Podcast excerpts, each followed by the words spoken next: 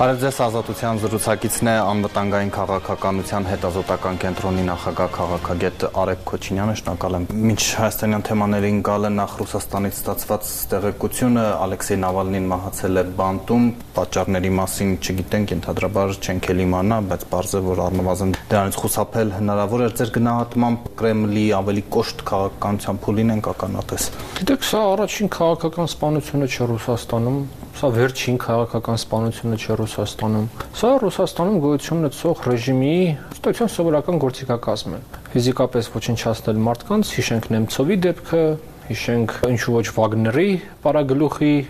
ճակերտավոր օթային կատաստրոֆայի ենթարկու ենթարկվել է։ Սա վերջինը չի լինելու։ Պարզապես այս ռեժիմը այլևս խնդիր չունի Երևանու ավելի ժողովրդավարական կամ Երևանու ավելի օրինական, քան ինքը իրականում է վախենալով օրինակի համար ինչ որ արևմտյան սանկցիաներից մեկուսացումից եւ այլն։ Հիմա դա այդ ամեն ինչը ավելի բացի բաց։ Առաջել էր անում Ուղղակի առաջ ինչ որ ձե փորձում էր դա քողարկել։ Հիմա ըստ էության ոչ է փորձում է դա քողարկել։ Սա է տարբերությունը։ Պատահականություն կամարեք, որ հատկապես նախընտրական շրջանում տեղի ունեցավ։ Չէ, իհարկե սա պատահականություն չէ, ըստ էության փորձում են պատրաստել քաղաքական համակարգը հնարավորինս անցնցում վերարտադրության։ Գալով հայաստանյան թեմաներին, պարոն Քոչինյան, որ էլի Ռուսաստանի հետ ուղիղ կապ ունեն,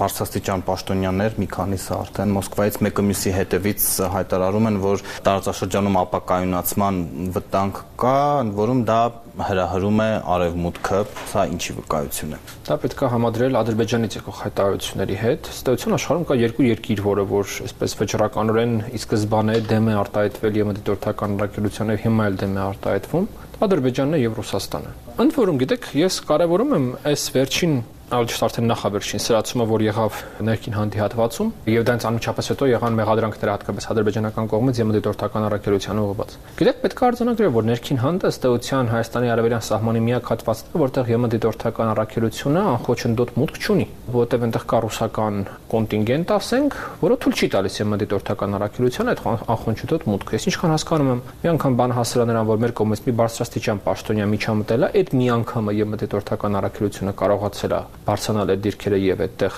մոնիտորինգ անել, բայց դու նույնիսկ այդ խնդիրը առաջացել է։ Եվ ըստ էության միջադեպը եղել է այդ նույն հատվածում, որտեղ որ կանգնած են ռուսները եւ որտեղ որ թույլ չեն տալիս ԵՄ-դիտորդական առաքելության մուտքը։ Բայց փոխարենը մենք տեսնում ենք, որ լրատվական դաշտում Ադրբեջանի առաջին իսկ թիախը դարձավ, այ տեսեք, չնայած նրան, որ ԵՄ դիտորդական առաքելությունը եւ այլն։ Դրա նախորդ օրերին էլ էին թիրախավորել։ Դրա նախորդ օրերին էլ այո, իրավացեք, դրա նախորդ օրերին էլ էին թիրախավորել եւ ըստ էության սա բավականին հաշվարկված խաղ է գնում Ռուսաստանի եւ Ադրբեջանի կողմից։ Այս խաղին ինչ որ չափով իմ կարծիքով հետաքրքրված է, այսպես ասենք, այս խաղով նաեւ Իրանը, դու մենք տեսնում ենք նաեւ Իրանի բավականին հակառակ դիրքորոշումը ԵՄ դիտորդական առաքելությունը, թեպետ այդ դիրքորոշումը կոշտացել է նախկինում ինքը այսքան կոշտ չէր, որը ունի մեկ նպատակ՝ չեզոքացնել այդ գործիքը եւ չեզոքացնել արևմուտքի ներկայիս ներգրավվածությունն ու Հայաստանի հետ համագործակցության մակարդակը ու բերել հետ տաճաշրջանը ռուս-թուրքական համատիրության ձևաչափին, երբ որ բոլոր հարցերը որոշվում էին Անկարայի եւ Մոսկվայի միջեւ, որտեղ որևէ երկընտրանք չեր ելնում, սա առաջինը, եւ երկրորդը նաեւ բերել հետ այն երակոմ ձևաչափին, որը իրական դա քարակոմ ձևաչափ էր,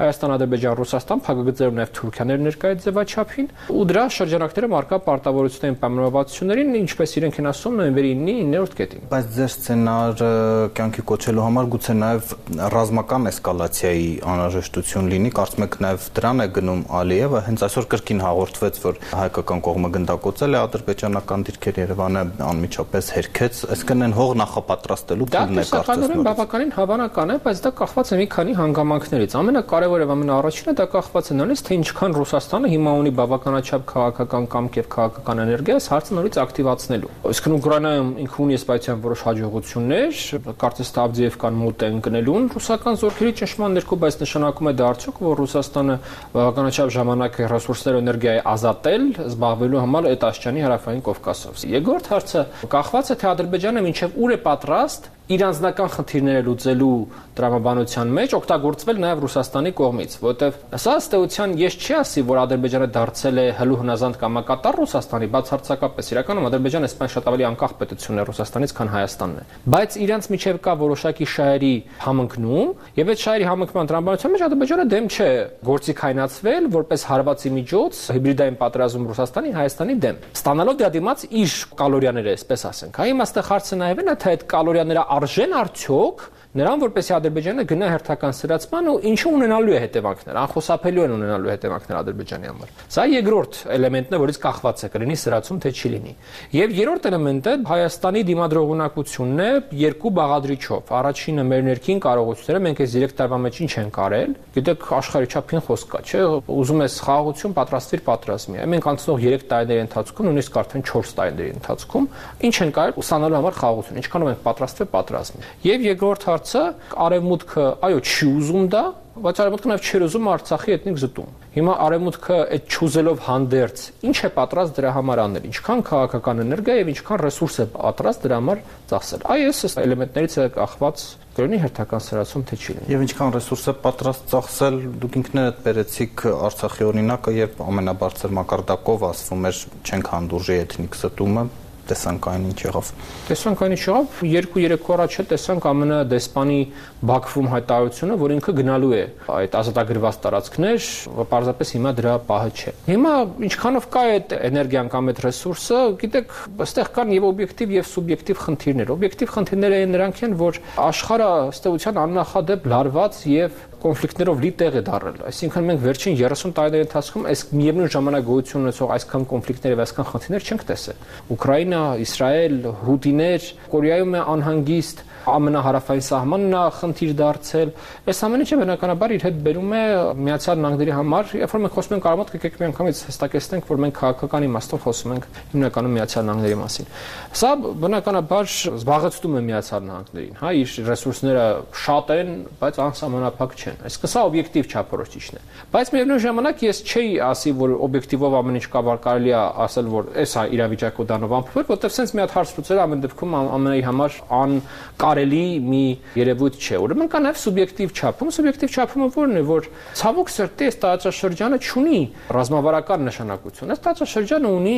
օժանդակ նշանակություն ռազմավարական շահերի տեսանկյունից եւ համապատասխանաբար էլ քաղաքական էներգիան ու քաղաքական կամքը, որը որ պատրաստ են ծախսել, օժանդակի տրամաբանության մեջ է, ոչ թե ռազմավարականի։ Հետևաբար գուցե Երևանը այսպես համառորեն չպետք է մերժի Մոսկվայի միջնորդական ջանքերը, օրինակ Խովայևը հիմա նորից Բաքվում էր եւ Երևան գալու մասին դեռ չի հաղորդվում, գայել հայտնի չէ արդյոք նրանք աջողի բանակցություն կազմակերպել։ Գիտեք, ես ձեր եզրակացության հետ ամեն դեպքում չեմ համաձայնվի, որովհետեւ խնդիրը ոչ թե ռուսական միջնորդությունն է, այլ խնդիրը ինքը կոնֆլիկտն է։ Այսինքն այստեղ հարցը այն չի թե ում միջնորդությամբ կլուծվի խնդիրը։ Խնդի հարցը է խնդիրը լուծվելու է թե չէ։ Ուրեմն 23 թվականին Պրահյան գործընթացից հետո, երբ որ եղավ Բրյուսելյան հերթական երակողմ հանդիպումը, ես հիշում եմ Ալիևը դուրս եկավ հանդիպումից եւ ասաց, որ այ Ադրբեջանը պատրաստ է մի մաքսակետ տեղադրել Լաչինում, մի մաքսակետ էլ համաձայնվել Մեղրիում, Ոյ ոնց որ այնտեղ կլինի մաքսակետով, այնպես էլ այստեղ կլինի մաքսակետով, հա։ Համանման ռեժիմներ։ Համանման ռեժիմներ։ Այդ դեպքից մի շաբաթ հետո Հայաստանի արտաքին գործերի նախարար Միրզյանը ելույթ ունեցավ, ասաց, որ դա մեզ համար անընդունելի է։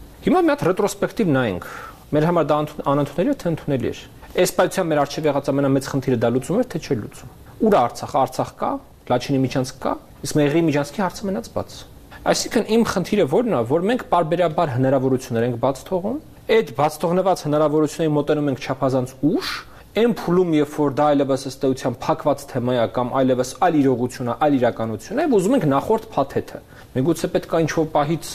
համաձայնվել արկա փաթեթին որովհետեւ Երանի չտալ այդ նախորդ փաթեթին։ Ոչ թե խնդիրն ամենք համաձայնվենք կամ չհամաձայնվենք ռուսական միջնորդությանը, այլ խնդիրն ամենք որևէ պահի պետքա ինքնական գնանք եւ համաձայնվենք սեղանի դրած փաստաթղթին, որպեսի հերթական սրացումից, հերթական ջարդից հետո Երանի չտանք այդ նախորդ փաստաթղթին։ Ուրեմն այդպիսի մի հնարավոր առաջարկի մասին տեղին է նոյեմբերի 9-ի փաստաթղթի վկայակոչման, որտեղ գրված է դեպի Նախիջևան ճանապարհի անվտանգությունը պիտի ապահովեն ռուսները, ահա համաձայնել ճանապարհի այսպիսի ռեժիմի։ Խնդիրը ռուսները Որտեվ հիմա կարծես կրվախնձորը դա է, չէ։ Խնդիրը Ռուսաստանը չի։ Ադրբեջանի դիրքորոշումը հետեւյալն է։ Իրենք ասում են նոյեմբերի 9-9-րդ կետը գրված է, որ ռուսները պետք է վերահսկողություն ունենան այդ ճանապարհի վրա։ Ռուսները կանգնած են Մեղրիում։ Մեղրի սահմանը տիրապետության տակն է ռուսների։ Ուրեմն ի՞նչն է խնդիրը։ Ռուսները պետք է այդ ճանապարհը վերահսկեն։ Գրեթե բաց մեզ ասում են, եթե դուք չեք ուզում որպեսզի այդ ճանապարհը ռուսները վերահսկեն, հանեք այդտեղից ռուսներին։ Մենք ձեր փոխարեն ռուսների հետ մեր հարաբերությունները չենք լարելու։ Այսինքն իրենք պատրաստ են եւ ռուսների հետ աշխատեն այդ ճանապարհի շուրջ, եւ պատրաստ են մեր հետ աշխատել այդ ճանապարհի շուրջ, բայց մեզ հետ աշխատեն, քանի դեռ այդ տաճաշրջանում կան ռուսները,